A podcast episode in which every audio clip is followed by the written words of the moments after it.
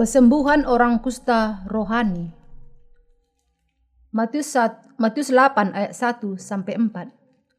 Setelah Yesus turun dari bukit, orang banyak berbondong bondong mengikuti dia. Maka datanglah seorang yang sakit kusta kepadanya, lalu sujud menyembah dia dan berkata, Tuhan, jika Tuhan mau, Tuhan dapat mentahirkan aku.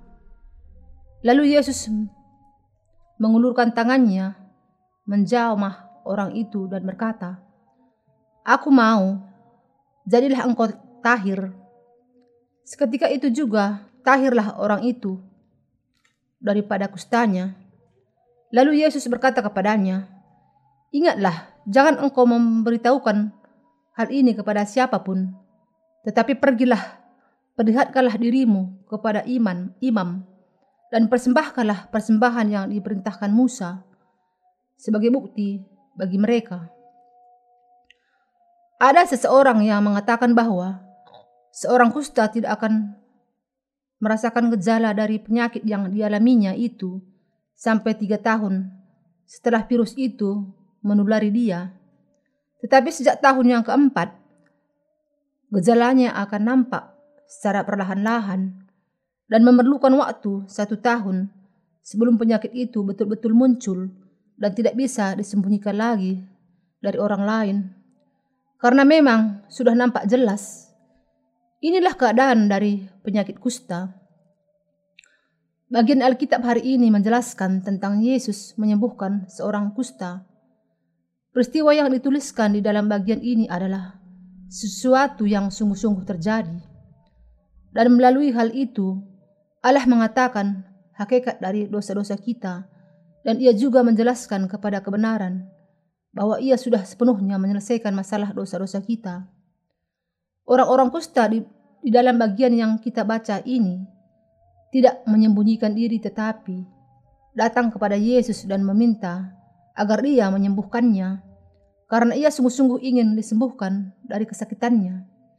Orang kusta ini memiliki iman bahwa Yesus bisa menyembuhkan segala macam penyakit dan tidak lain dari Yesus saja yang bisa menyembuhkan dia dari penyakitnya dan membuat dia tahir. Yesus kembali. Yesus melihat iman dari orang dengan penyakit kusta ini dan memberikan apa yang dikehendakinya. Sebagaimana yang terjadi di dalam kasus seorang perwira di bagian selanjutnya. Kita harus terus mengingat bahwa yang sungguh-sungguh dikehendaki Yesus adalah menyembuhkan bukan hanya kesakitan jasmaninya saja, tetapi penyakit penyakit dosa. Penyakit kusta di sini menunjukkan bahwa di dalam hati dan tubuh kita ada dosa-dosa yang seperti penyakit ini. Sejak saat kita dilahirkan dari rahim ibu kita, kita semua dilahirkan dengan 12 macam penyakit dosa. Ketika kita masih bayi, kita tidak memahami bahwa kita adalah orang-orang berdosa yang sangat jahat. Tetapi setelah kita sampai pada usia tertentu, kita sampai kepada kesadaran akan diri kita sendiri dan kita tidak bisa menyembunyikan hal ini dari Allah.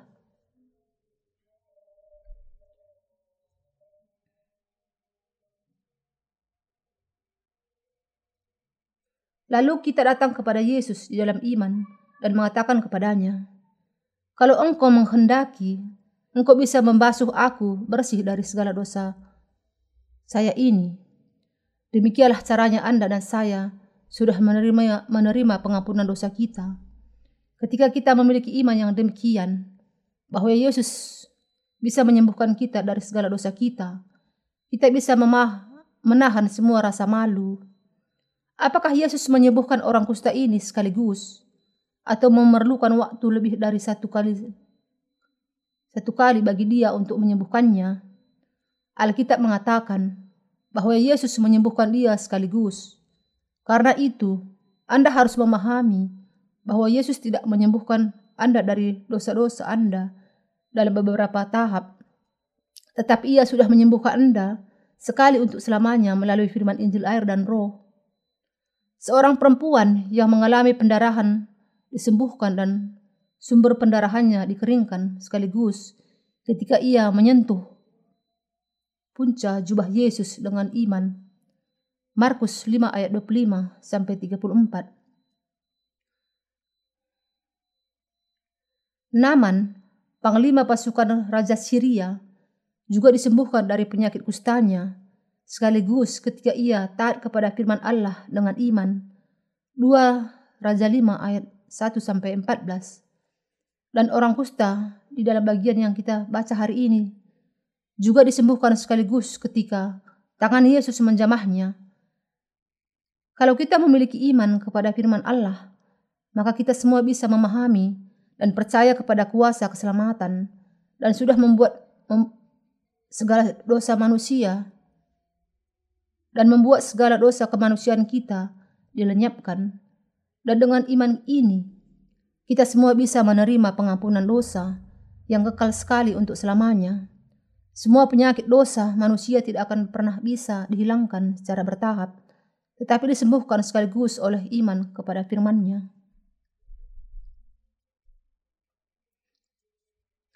Perbedaan dari iman orang-orang yang mengaku beragama dengan mereka yang percaya kepada kuasa Injil.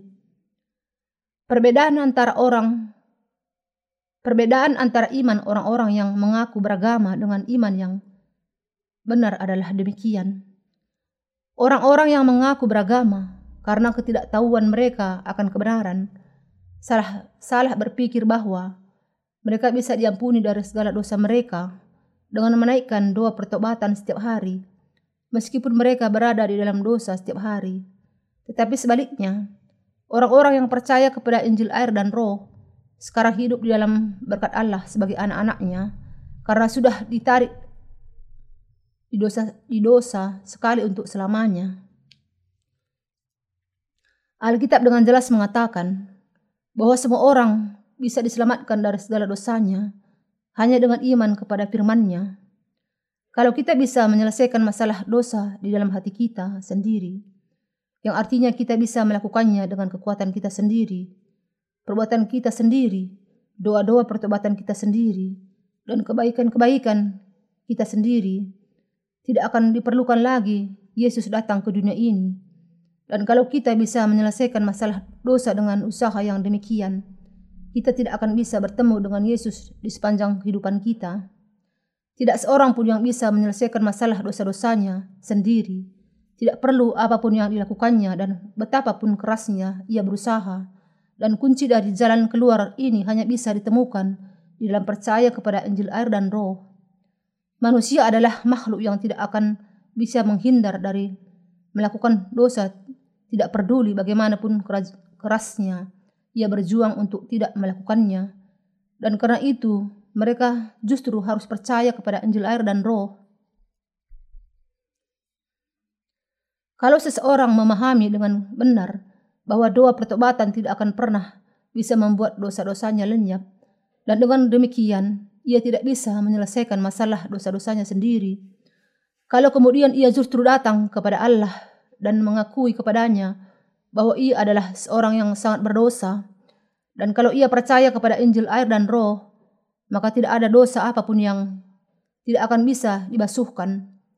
Ketika orang-orang berdosa datang kepada Yesus dan meminta kasih karunia-Nya, Yesus pasti akan menyelesaikan segala masalah dosa-dosanya sekali untuk selamanya melalui Injil air dan roh. Sebagaimana ia sudah menyembuhkan orang kusta, itu juga sekaligus adalah ketika keadaan diri kita yang sebenarnya sepenuhnya dinyatakan di hadapan Allah sebagai orang-orang berdosa dan kita menginginkan keselamatan dari Yesus. Kemudian kita akan diberi oleh Tuhan pengampunan atas dosa kita dengan memberikan kepada kita Injil, air dan roh. Anda perlu memahami bahwa hanya orang-orang yang meminta belas kasihan Allah dengan mengatakan, Tuhan belas kasihan, Tuhan belas kasih Kanilah saya. Saya tidak bisa tidak masuk ke dalam neraka karena segala dosa saya. Maka ia akan bisa dibebaskan dari segala dosa mereka dan menjadi anak-anaknya sendiri.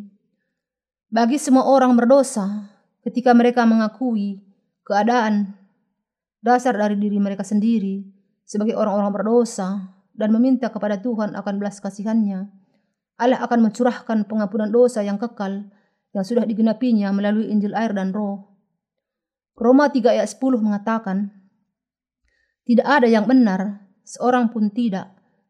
Dengan bagian ini, Rasul Paulus bermaksud menjelaskan tentang orang-orang yang belum menerima pengampunan dosa adalah untuk membuat orang-orang berdosa menjadi tidak berdosa secara sempurna sampai Yesus datang ke dunia ini. Tetapi sayangnya, kebanyakan orang Kristen masih ditemukan sebagai orang-orang yang setengah berdosa. Meskipun di dunia ini mungkin ada banyak sekali setengah pengampunan dosa atau orang-orang yang setengah benar, di dalam kerajaan Allah tidak ada orang-orang yang setengah benar ataupun yang setengah berdosa. Siapakah orang-orang yang setengah berdosa? Mereka adalah orang-orang yang berusaha mendapatkan pengampunan dari dosa-dosa mereka dengan menaikkan doa pertobatan setiap hari. Bukan dengan menaikkan doa yang demikian yang membuat dosa-dosa kita dihapuskan, tetapi dengan percaya kepada firman Injil air dan roh.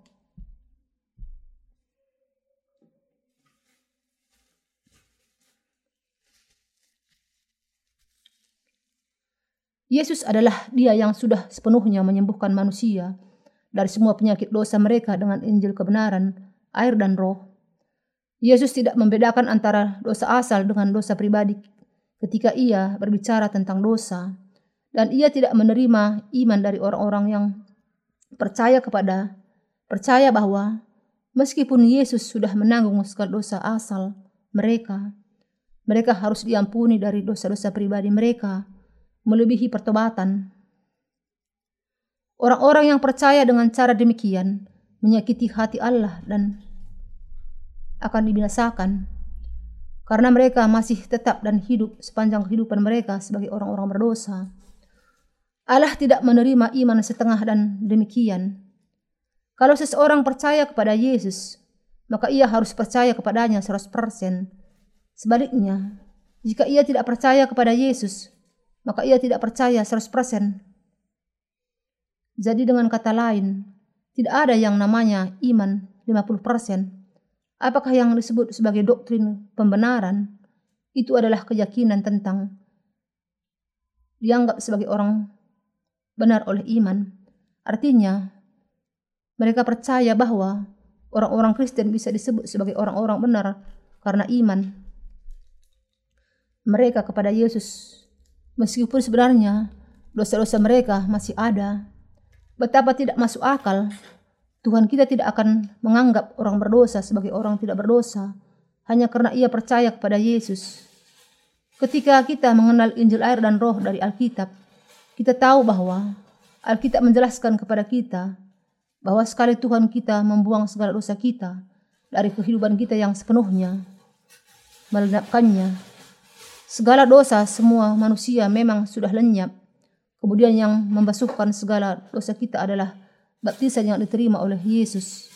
1 Petrus 3 ayat 21. Pada umumnya, kebanyakan orang Kristen zaman ini mengatakan bahwa Yesus menanggung hanya dosa asal, tapi kita harus diampuni dari dosa-dosa pribadi kita secara terpisah dengan menaikkan doa-doa pertobatan kita.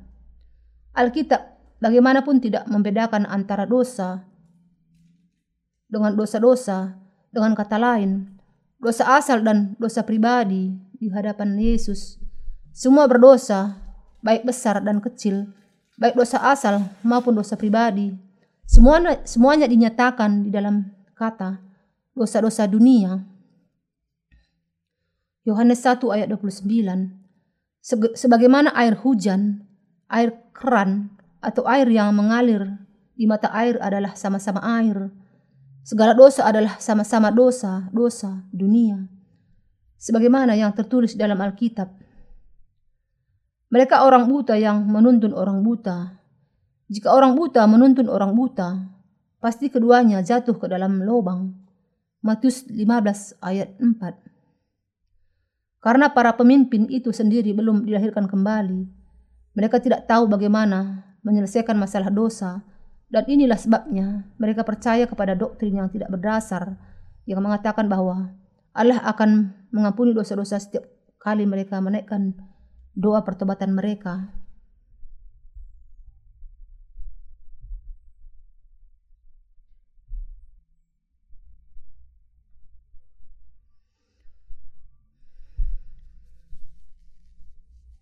Semua orang harus percaya kepada kuasa Injil air dan roh.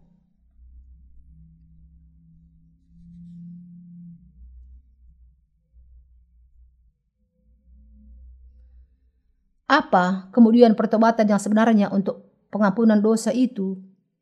Itu artinya berbalik dari pengetahuan mereka yang salah dan keyakinan mereka yang keliru serta percaya kepada apa yang benar.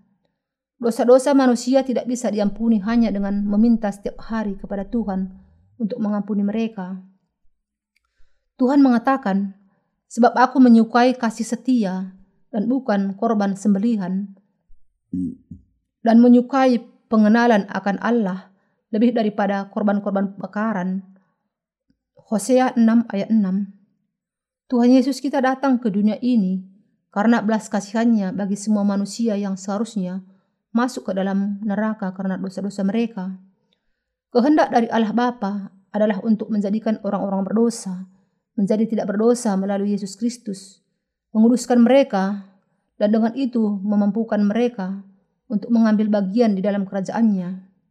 Inilah sebabnya tujuan Tuhan kita datang ke dunia ini dan dengan sepenuhnya menggenapkan kehendak Bapa melalui Injil air dan roh. Roma 6 ayat 23 mengatakan, Sebab upah dosa ialah maut, tetapi karunia Allah ialah hidup yang kekal dalam Kristus Yesus, Tuhan kita. Meskipun Allah kita adalah Allah yang penuh kasih, ia tidak bisa tidak membuang orang-orang yang memiliki dosa ke dalam neraka dan kasihnya adalah dengan memberikan pengampunan dosa kepada orang-orang yang percaya kepada Injil air dan roh sehingga ia bisa berdiam bersama dengan mereka untuk selamanya di dalam kerajaannya. Allah sudah memberikan kepada kita dengan kata lain anugerah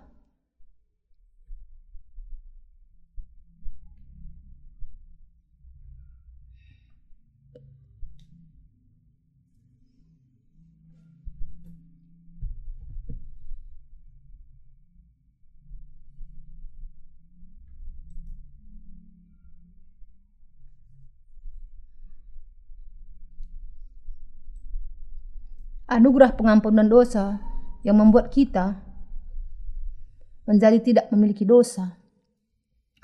Zaman ini ada terlalu banyak orang Kristen yang percaya kepada Yesus dengan pandangan mereka sendiri dalam cara yang sesuai dengan keinginan mereka sendiri.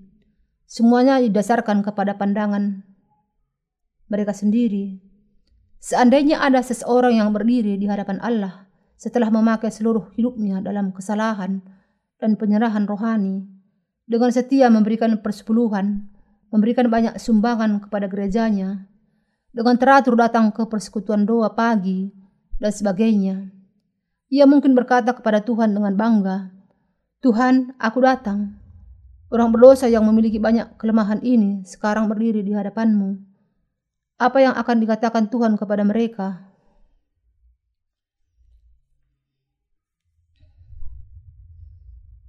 Dalam Matius 7, Yesus mengatakan, Bukan setiap orang yang berseru kepadaku, Tuhan, Tuhan akan masuk ke dalam kerajaan sorga, melainkan dia yang melakukan kehendak Bapakku yang di sorga. Pada hari terakhir banyak orang akan berseru kepadaku, Tuhan, Tuhan, bukankah kami bernubuat demi namamu, dan mengusir setan demi namamu, dan mengadakan banyak mujizat demi namamu juga.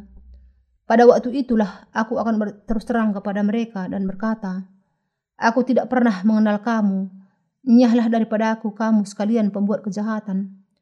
Inilah yang akan dikatakan Tuhan kepada orang itu. Allah kita bukanlah Allah, bukan, bukanlah Bapa orang berdosa dan juga bukan Tuhan mereka, tetapi ia adalah Bapa bagi orang-orang benar. Dan Tuhan atas mereka yang sudah dilahirkan kembali dan menerima pengampunan dosa Meskipun orang itu kemudian mengatakan kepada Tuhan, Tuhan, tidakkah engkau mengenal aku? Bagi engkau, aku menyerahkan seluruh kehidupanku untuk bersaksi bagi namamu. Allah hanya mengatakan, betapa beraninya engkau berpura-pura menjadi anakku ketika engkau memiliki dosa yang menantikan engkau adalah neraka. Hai pembuat kejahatan. Karena itu, yang pertama kali harus dilakukan oleh orang-orang dosa adalah percaya kepada Injil air dan roh, sekarang juga, dan menerima pengampunan dosa mereka oleh iman. Ini, inilah iman yang paling indah dan berharga. Para pemimpin Kristen yang palsu mungkin mengumpulkan segala macam orang berdosa yang belum menerima pengampunan dosa ke dalam gereja mereka. Tetapi bisakah ada orang yang sungguh-sungguh menyebut mereka sebagai orang-orang kudus? Bagaimana mungkin mereka bisa menjadi orang-orang kudus yang berdosa? Semua orang yang masih memiliki dosa bukanlah orang-orang kudus, tetapi hanyalah orang-orang berdosa. Seseorang bisa disebut sebagai tidak berdosa hanya setelah mereka menerima pengampunan dosa dengan percaya kepada Injil air dan roh. Ada tertulis di dalam kitab Hosea 4 ayat 6. Umatku binasa karena tidak mengenal Allah. Karena engkaulah yang menolak pengenalan itu, maka aku menolak engkau menjadi umatku imamku. Dan karena engkau melupakan pengajaran Allahmu, maka aku juga akan melupakan anak-anakmu. Awal dari semua hikmat adalah pengenalan akan Allah. Akan tetapi, tak terhitung banyaknya manusia yang tidak bisa meletakkan hikmat mereka sendiri yang cacat dan kotor itu, serta menjalani kehidupan sebagai orang-orang yang munafik. Inilah sebabnya Tuhan kita akan mengatakan kepada mereka ketika hari terakhir itu datang, Aku tidak mengenal kamu. Satu-satunya cara yang cara orang berdosa bisa menjadi tidak berdosa adalah dengan menerima firman pengampunan dosa. Kita harus memiliki iman kepada keilahian Tuhan.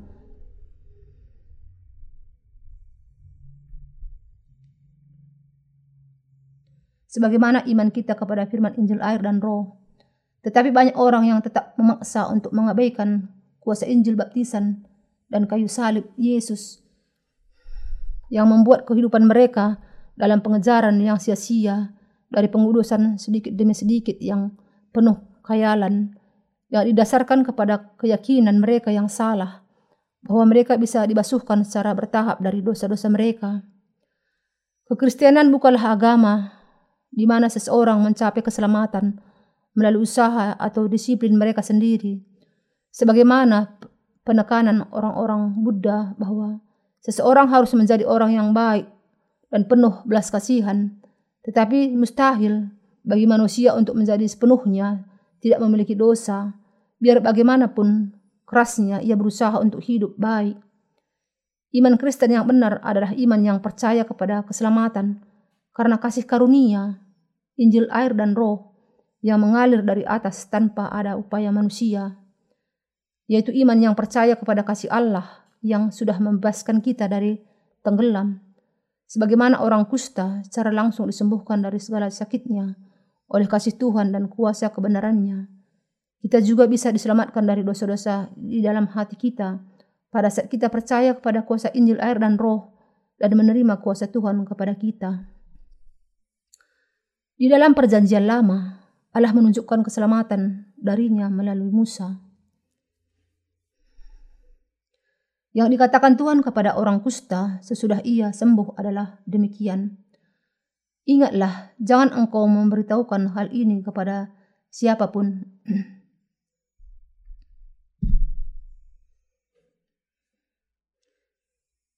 Tetapi pergilah, perhatikanlah dirimu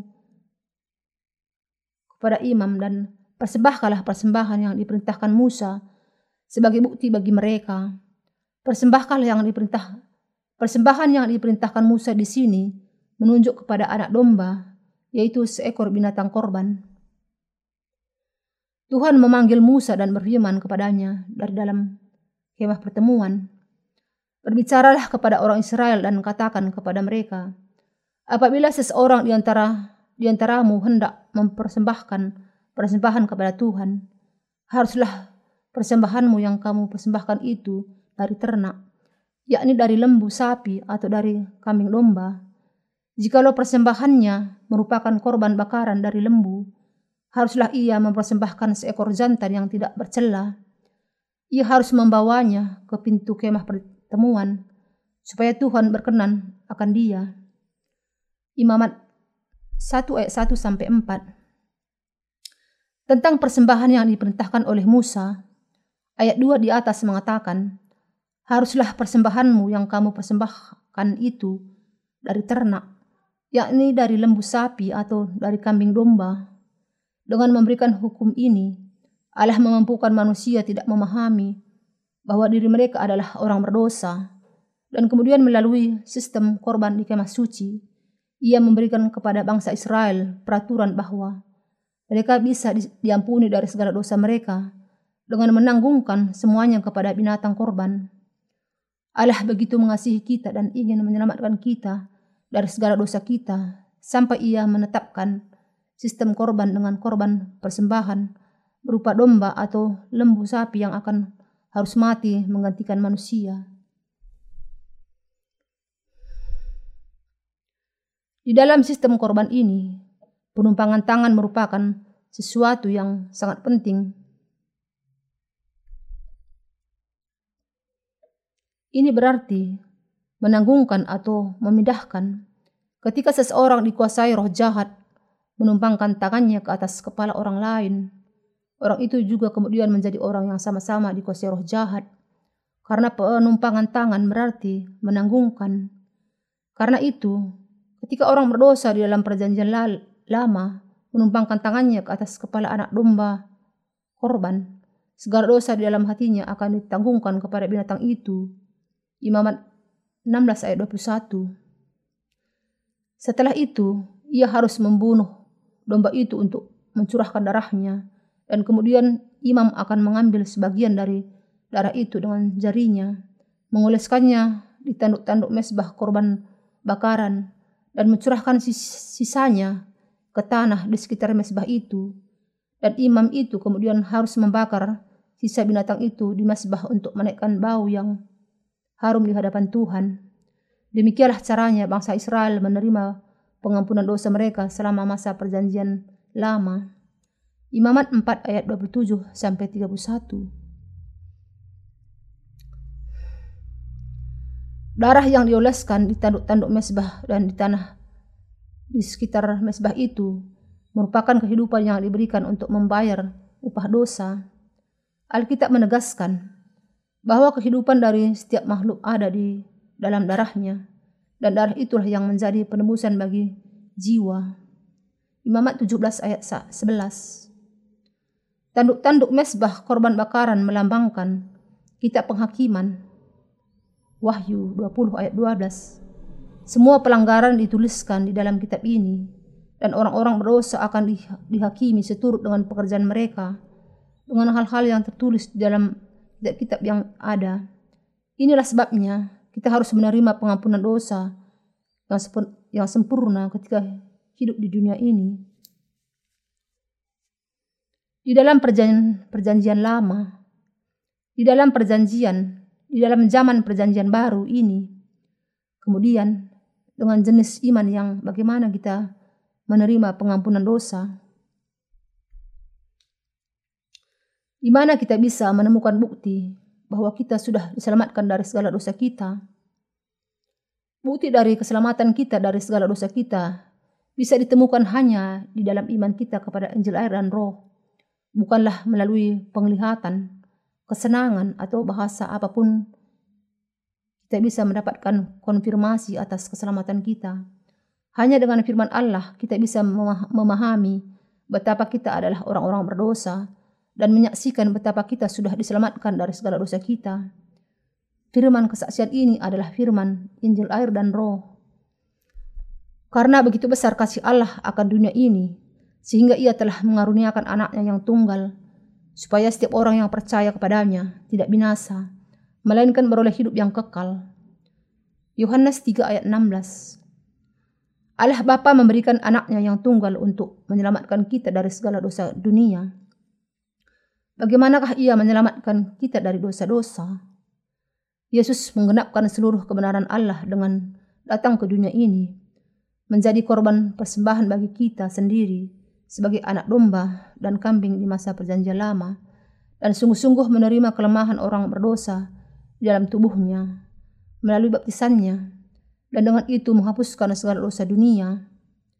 Kebenaran ini menunjukkan ditunjukkan melalui korban persembahan harian di dalam perjanjian lama.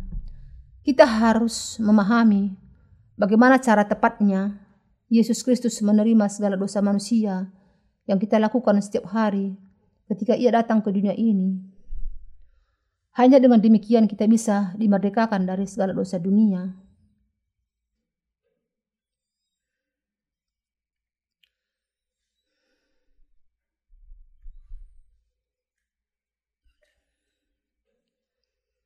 Korban hari raya pendamaian di dalam perjanjian lama. Mari kita membuka Imamat 16 ayat 29 sampai 34. Inilah yang harus menjadi ketetapan untuk selama-lamanya bagi kamu, yakni pada bulan yang ketujuh, pada tanggal 10 bulan itu. Kamu harus merendahkan diri dengan berpuasa dan janganlah kamu melakukan sesuatu pekerjaan, baik orang Israel asli maupun orang asing yang tinggal di tengah-tengahmu. Karena pada hari itu harus diadakan pendamaian bagimu untuk mentahirkan kamu. Kamu akan ditahirkan dari segala dosamu di hadapan Tuhan. Hari itu harus menjadi sabat, hari perhentian penuh bagimu dan kamu harus merendahkan diri dengan berpuasa. Itulah suatu ketetapan untuk selama-lamanya dan pendamaian harus diadakan oleh imam yang telah diurapi dan telah ditahbiskan untuk memegang jabatan imam menggantikan ayahnya. Ia harus mengenakan pakaian lenan, yakni pakaian kudus. Ia harus mengadakan pendamaian bagi tempat maha kudus, bagi kemah pertemuan, dan bagi mesbah. Juga bagi para imam dan bagi seluruh bangsa itu, yakni jemaah itu, itulah yang harus menjadi ketetapan untuk selama-lamanya bagimu. Supaya sekali setahun diadakan pendamaian bagi orang Israel karena segala dosa mereka.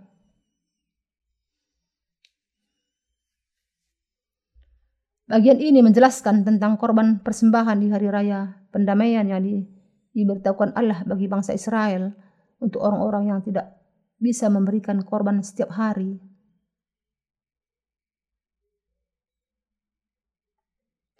Di mana di mana imam besar bisa memberikan korban persembahan sekali dalam satu tahun bagi seluruh bangsa Israel. Melalui korban tahunan ini, Allah sudah mencurahkan berkat pengampunan atas dosa-dosa tahunan bagi seluruh bangsa Israel. Imamat 16 ayat 6 sampai 10. Kemudian Harun harus mempersembahkan lembu jantan yang akan menjadi korban penghapus dosa baginya sendiri dan dengan demikian mengadakan pendamaian baginya dan bagi keluarganya. Ia harus mengambil kedua ekor kambing jantan itu dan menempatkannya di hadapan Tuhan di depan pintu kemah pertemuan dan harus membuang undi atas kedua kambing jantan itu. Sebuah undi bagi Tuhan dan sebuah bagi Asazel. Lalu Harun harus mempersembahkan kambing jantan yang kena undi bagi Tuhan itu dan mengolahnya sebagai korban penghapus dosa. Tetapi kambing jantan yang kena undi bagi Azazel harus haruslah ditempatkan hidup-hidup di hadapan Tuhan untuk mengadakan pendamaian lalu dilepaskan bagi Azazel ke padang gurun. Allah dengan kata lain sudah memberikan korban persembahan yang memungkinkan orang-orang Israel untuk menerima pengampunan dosa melalui iman mereka dengan menanggungkan bukan hanya dosa-dosa harian mereka, tetapi juga segala dosa untuk sepanjang tahun ke dalam korban persembahan itu sekaligus. Harun di sini adalah saudara Musa dan ia juga adalah imam besar. Harun membawa salah satu dari dua kambing jantan korban kepelataran rumah kemah suci dan menanggungkan segala kelemahan bangsa Israel kepadanya dengan menumpangkan tangannya ke atas kepala binatang itu. Sesudah dengan itu menanggungkan segala dosa bangsa Israel kepada kambing jantan korban itu sekaligus. Imam besar kemudian menyembelih kambing itu, membawa darahnya ke balik tabir, yaitu ke dalam ruang maha kudus, dan memercikkan darah itu ke tutup perdamaian dan di sebelah timurnya sebanyak tujuh kali.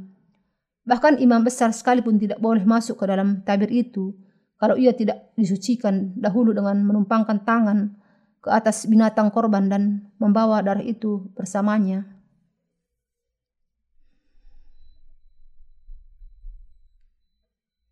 Kemah suci terbagi di dalam ruang kudus dan ruang maha kudus. Dan imam besar bisa masuk ke dalam ke tempat di mana tabut perjanjian di tempat itu. Hanya kalau ada darah korban persembahan yang sudah ditumpangi tangan olehnya.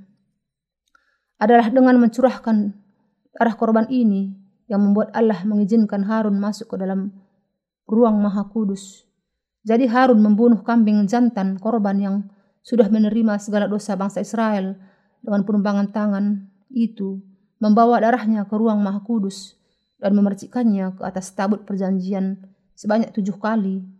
Karena ada lonceng-lonceng emas yang dikaitkan ke jubah imam besar, maka lonceng-lonceng itu berbunyi saat imam besar memercikkan darah itu, dan bangsa Israel bisa memastikan bahwa darah korban binatang yang sudah menerima segala dosa mereka memang sudah dipercikkan, dan dengan itu menegaskan tentang pengampunan dosa dalam hati orang-orang yang percaya.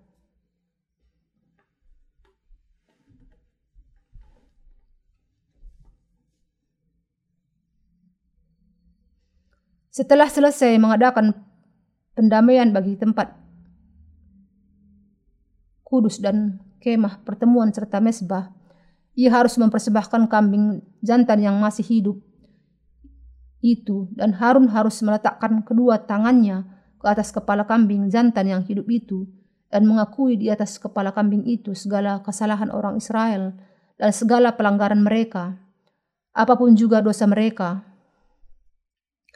ia harus menanggungkan semuanya itu ke atas kepala kambing jantan itu dan kemudian melepaskannya ke padang gurun dengan perantaraan seseorang yang sudah siap sedia untuk itu.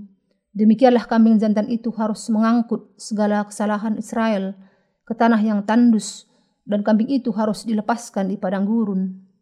Imamat 16 ayat 20 sampai 22. Salah satu kambing jantan adalah untuk Tuhan dan dipersembahkan sebagai korban penghapus dosa yang melaluinya pendamaian dilakukan. Tetapi dosa-dosa bangsa Israel harus bisa dilihat ketika dihilangkan dari kehidupan mereka.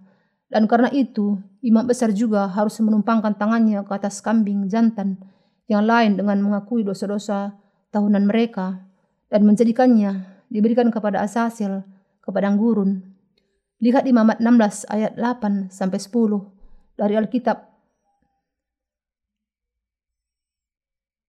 American Standard Version. Di sisi di sini kambing jantan itu asasel di dalam bahasa Ibrani berarti dilepaskan untuk pemisahan yang sempurna dari dosa. Dengan mengambil salah satu dari dua kambing jantan itu sebagai kambing lepasan, Imam besar menumpangkan tangannya ke atas kepala binatang itu dengan mengaku, mengakui ke atasnya segala kelemahan bangsa Israel itu ketika mereka semua menyaksikan di luar pintu gerbang pelataran kemah suci. Kemudian binatang itu dilepaskan di padang gurun oleh tangan orang yang sudah ditentukan. Kambing jantan korban itu dengan kata lain memikul segala dosa bangsa Israel yang sudah diterimanya dengan penumpangan tangan oleh imam besar dan ia harus mati di padang gurun. Dengan melepaskan kambing lepasan itu ke padang gurun, Allah sudah memerdekakan semua bangsa Israel dari dosa-dosa mereka. Inilah tepatnya korban yang diperintahkan Allah kepada Musa adalah melalui penumpangan tangan dan curahan darah itu. Allah kemudian membuat semua orang Israel untuk menerima pengampunan atas dosa-dosa mereka.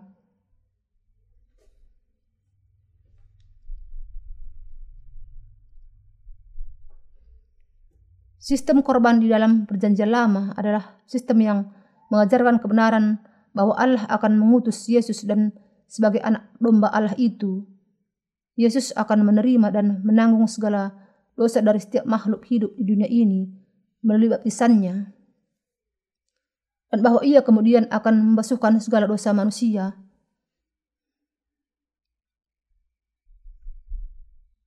Baik dosa-dosa harian mereka dan juga dosa untuk seluruh kehidupan mereka. Semua orang di zaman perjanjian lama percaya bahwa adalah melalui sistem korban di kemah suci saja pengampunan dosa diberikan kepada mereka.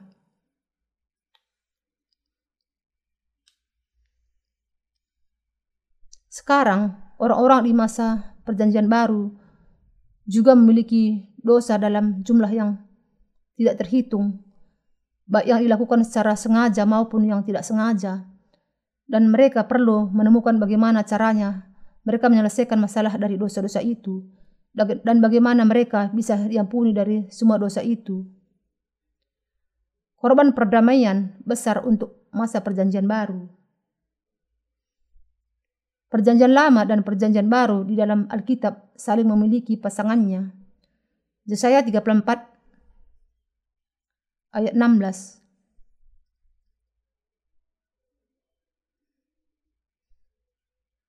Bagian apa di dalam perjanjian baru yang merupakan pasangan dari korban pada hari raya pendamaian di dalam perjanjian lama? Mari kita menguji apa yang dilakukan Yesus untuk menghapuskan segala dosa kita. Maka datanglah Yesus dari Galilea ke Jordan kepada Yohanes untuk dibaptis olehnya. Tetapi Yohanes mencegah dia katanya, Akulah yang perlu dibaptis olehmu, dan engkau yang datang kepadaku. Lalu Yesus menjawab katanya kepadanya, Biarlah hal ini terjadi, karena demikianlah sepatutnya kita menggenapkan seluruh kehendak Allah. Dan Yohanes pun menurutinya. Sesudah dibaptis, Yesus segera keluar dari air dan pada waktu itu juga langit terbuka dan ia melihat roh Allah. Seperti burung merpati turun ke atasnya. Lalu terdengarlah suara dari sorga yang mengatakan, Inilah anakku yang kukasihi, kepadanya lah aku berkenan. Matius 3 ayat 13 sampai 17. Allah mengutus anaknya Yesus sebagai dia yang menyelamatkan umatnya dari dosa mereka. Matius 1 ayat 21.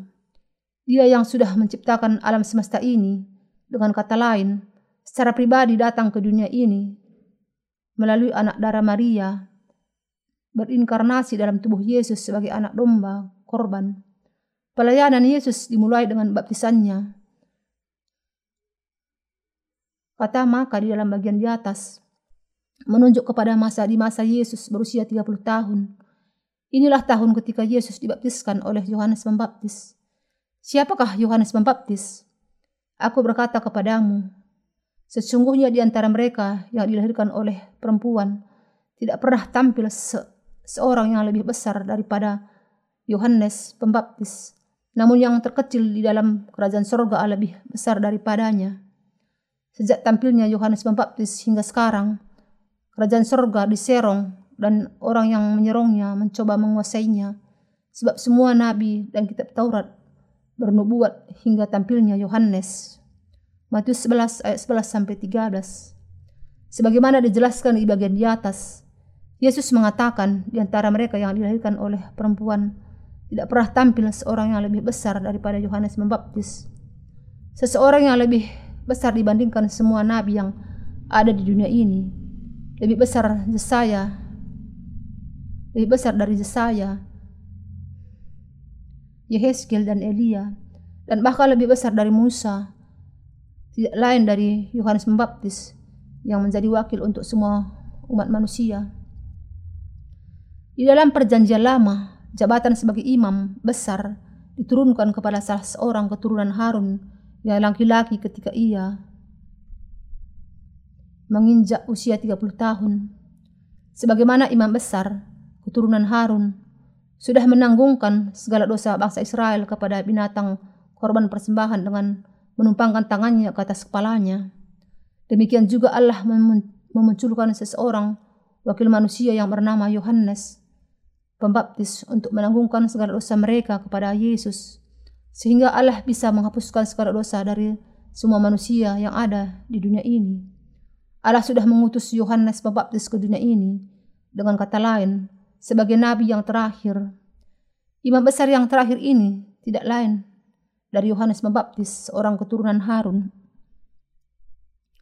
Pada zaman Herodes, Raja Yudea, adalah seorang imam yang bernama Zakaria dari rombongan Abia. Istrinya juga berasal dari keturunan Harun, namanya Elizabeth. Keduanya adalah benar di hadapan Allah dan hidup menurut menurut segala perintah dan ketetapan Tuhan dengan tidak bercatat. Dan ia akan berjalan mendahului Tuhan dalam roh, dalam roh dan kuasa Eli untuk membuat hati bapak-bapak berbalik kepada anak-anaknya dan hati orang-orang durhaka kepada pikiran orang-orang benar. Dan dengan demikian, menyiapkan bagi Tuhan suatu umat yang layak baginya. Lukas 1 ayat 5 sampai 17. Allah sudah menanggungkan segala dosa bangsa Israel pada hari raya perdamaian hanya melalui imam besar keturunan Harun di dalam perjanjian lama.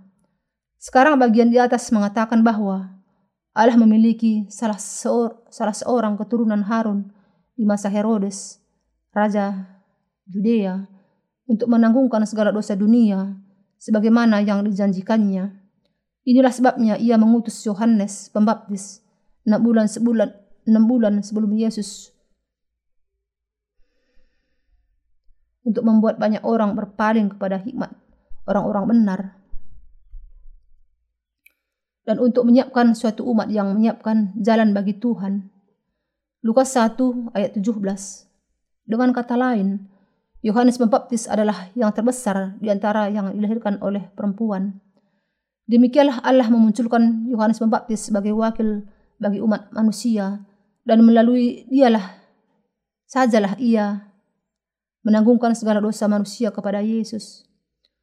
Yohanes Pembaptis juga datang kepada Yesus sebagai saksi dari firman kita juga perlu memahami bagaimana Yohanes Pembaptis memberikan kesaksian bagi bangsa Israel adalah karena Harun sudah menanggungkan segala dosa mereka sehingga mereka bisa melihat bukti dan kenyataan bahwa segala dosa mereka memang sudah ditanggungkan. Demikian juga kenyataan bahwa Yohanes Pembaptis menanggungkan segala dosa manusia kepada Yesus Kristus adalah bukti yang nyata tentang bagaimana segala dosa kita sudah dihapuskan. Sebagaimana yang disebutkan sebelumnya dan sebagaimana yang ditunjukkan di dalam Matius 3 ayat 13 sampai 17. Yesus dibaptiskan oleh Yohanes Pembaptis. Orang-orang Kristen pada umumnya sudah dibaptiskan dengan air. Akan tetapi, mereka sering kali menerima baptisan bahkan tanpa memahami maknanya.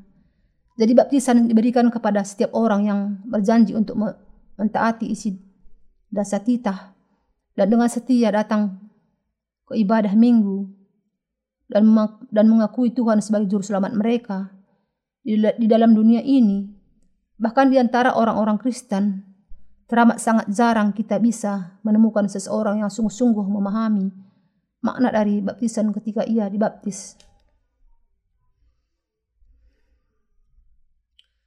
Yesus datang ke dunia ini dan dibaptiskan oleh Yohanes Pembaptis. Yang perlu kita pahami di sini adalah bahwa Yesus harus dibaptiskan.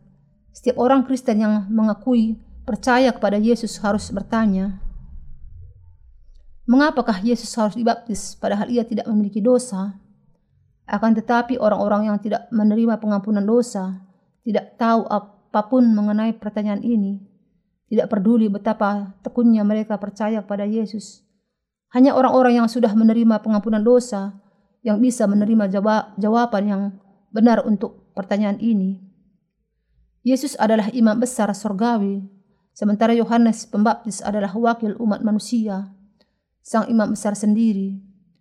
Yohanes Pembaptis memiliki kewenangan untuk menanggungkan segala dosa manusia kepada Yesus sebagai anak domba, dan Yesus sebagai imam besar dari kerajaan Allah diberi peran untuk menghapuskan segala dosa manusia dengan mengorbankan tubuhnya sendiri, bukan darah kah binatang sebagai korban, yaitu dengan menerima segala dosa manusia dan memberikan tubuhnya kepada Allah sebagai korban bagi manusia.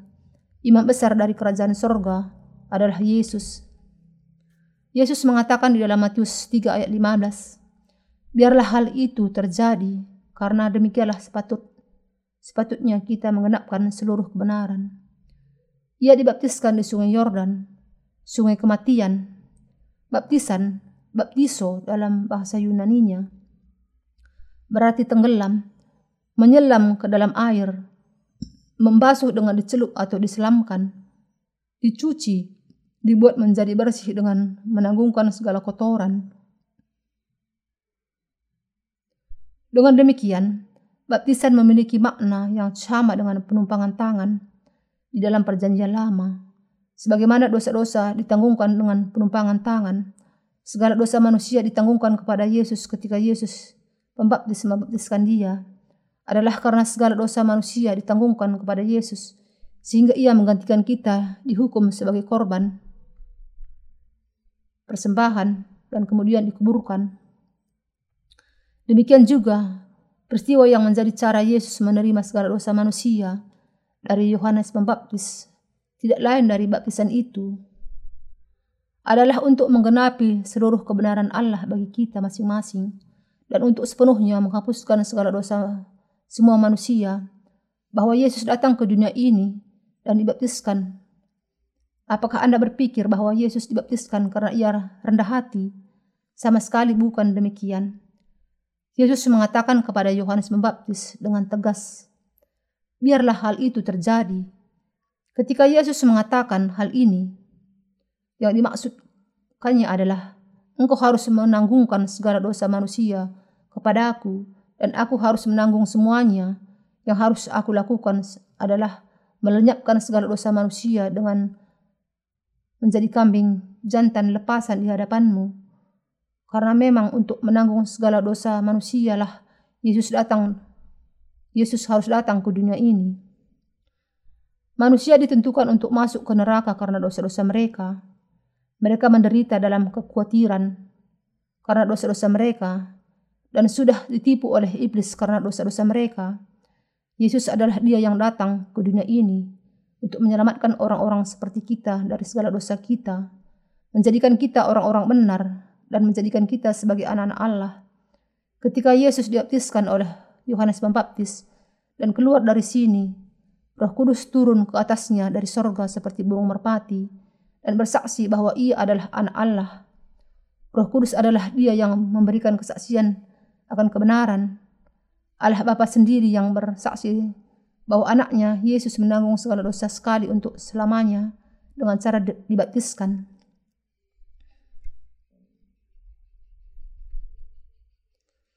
Karena begitu besar kasih Allah akan dunia ini, sehingga ia telah mengaruniakan anaknya yang tunggal, supaya setiap orang yang percaya kepadanya tidak binasa, melainkan beroleh hidup yang kekal.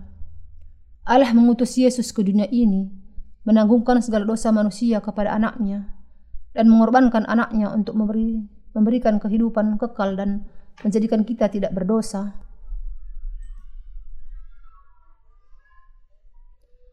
Tidak lain dari hal inilah inti dari peristiwa baptisan. Melalui baptisannya, Yesus menerima segala dosa kita dari Yohanes Pembaptis, wakil manusia dan juga imam besar yang terakhir. Diselamkan ke dalam air atau melambangkan kematiannya, dan kemudian keluar dari air melambangkan kebangkitannya. Melalui baptisan ini, salah satu bentuk dari perumpamaan penumpangan tangan Yohanes Pembaptis menanggungkan segala dosa kita kepada Yesus. Segala dosa dunia, dengan kata lain, memang sungguh-sungguh dipindahkan dari hati manusia kepada Allah sendiri. Adalah karena segala dosa manusia memang sungguh-sungguh ditanggungkan kepada Yesus. Sehingga Allah mengatakan bahwa sekarang ini kita tidak memiliki dosa. Kalau Yesus tidak melenyapkan segala dosa kita ketika ia datang ke dunia ini, lalu biar bagaimanapun kita percaya kepadanya, kita tidak memiliki pilihan lain kecuali tetap berdosa.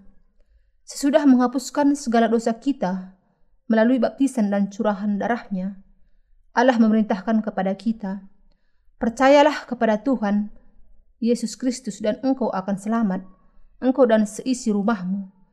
Kisah para Rasul 16 ayat 31. Dengan percaya kepada baptisan dan darah Yesus, kita harus dibasuhkan dari segala dosa kita sekali untuk selamanya. Pada keesokan harinya, Yohanes melihat Yesus datang kepadanya dan ia berkata, Lihatlah anak domba Allah yang menghapus dosa dunia. Yohanes 1 ayat 29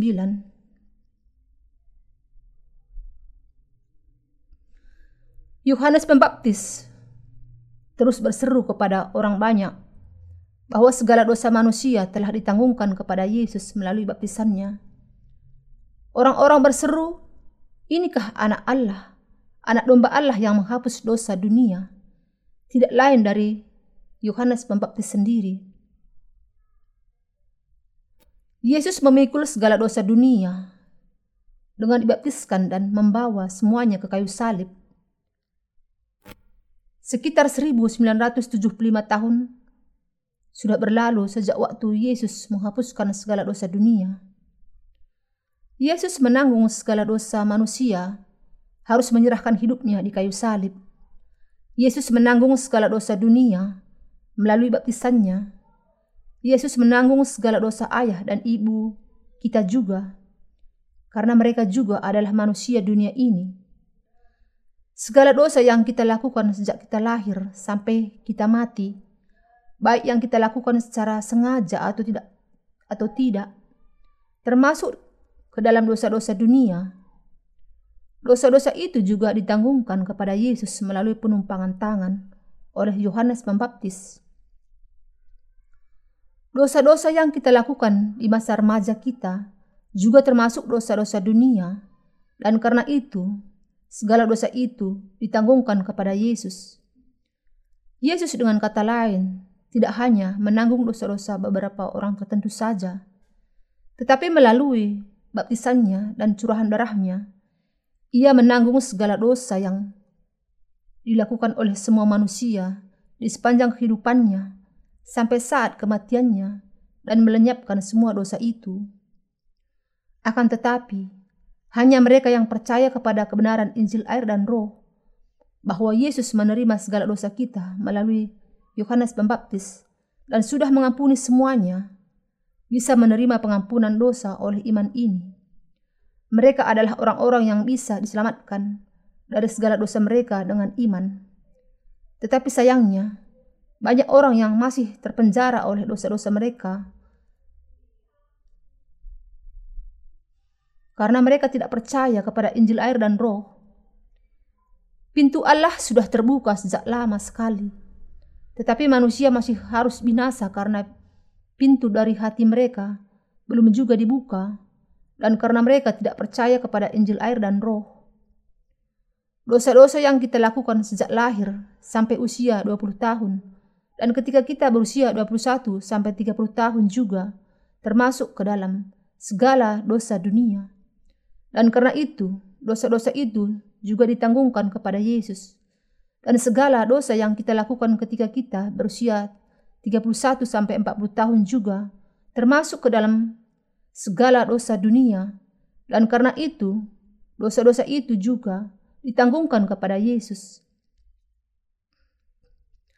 Ia adalah anak Allah yang menanggung setiap dosa kita masing-masing. Tidakkah dosa-dosa yang dilakukan manusia ketika mereka berusia 41 sampai 100 tahun juga, termasuk ke dalam segala dosa dunia. Yesus juga menanggung segala dosa itu melalui baptisannya. Karena semua itu juga termasuk ke dalam segala dosa yang kita lakukan di dalam dunia ini. Karena ya, kasih Yesus itu kekal dan tidak ada batasannya. Ia tidak memilah-milah dosa-dosa kita menjadi dosa asal dan dosa pribadi. Tetapi ia menerima segala dosa kita melalui baptisannya dan mencurahkan darahnya di kayu salib sampai kematiannya.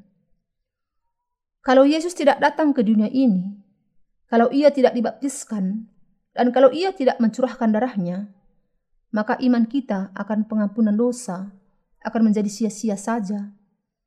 Dan bagi kita, kepercayaan kita kepada Tuhan dan penderitaan kita bagi Dia juga menjadi tidak ada faedahnya sama sekali. Apakah dosa-dosa anak-anak Anda juga ditanggungkan kepada Yesus melalui baptisannya? Mari kita menegaskan hal ini. Tidakkah anak-anak Anda juga hidup di dunia ini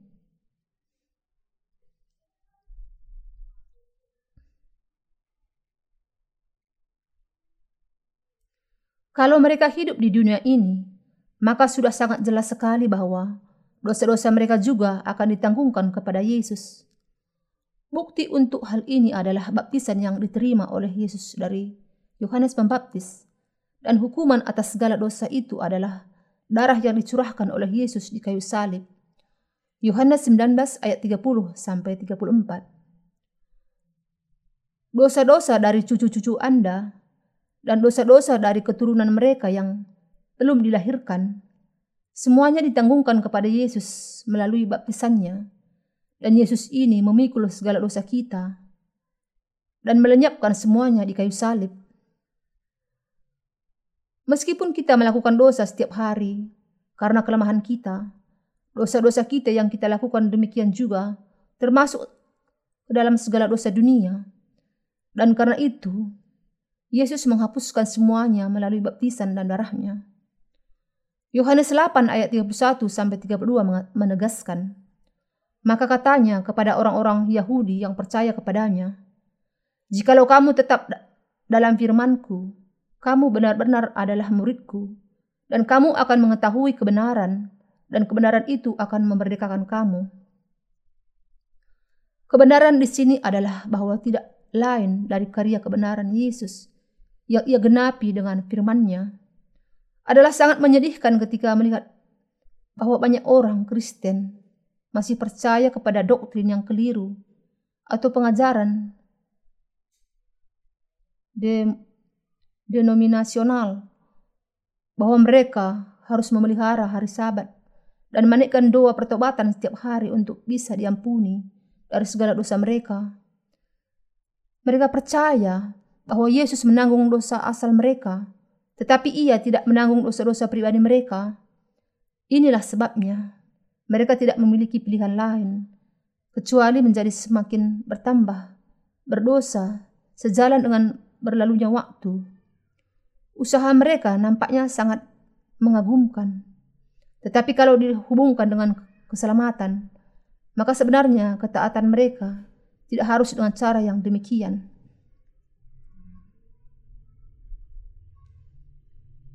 Yang harus kita lakukan adalah percaya kepada Injil air dan roh, dan dengan itu kemudian bisa menerima pengampunan dosa kita. Inilah kehendak Allah bagi kita. Semakin kita berusaha untuk mentaati hukum Taurat, semakin sulit bagi kita untuk melakukannya. Dan akhirnya kita akan mendapati diri kita menjadi semakin berdosa di hadapan Allah. Tetapi dengan percaya kepada firman Injil air dan roh yang diberikan Tuhan kepada kita, kita semua sungguh-sungguh akan diselamatkan dari segala dosa dunia. Haleluya!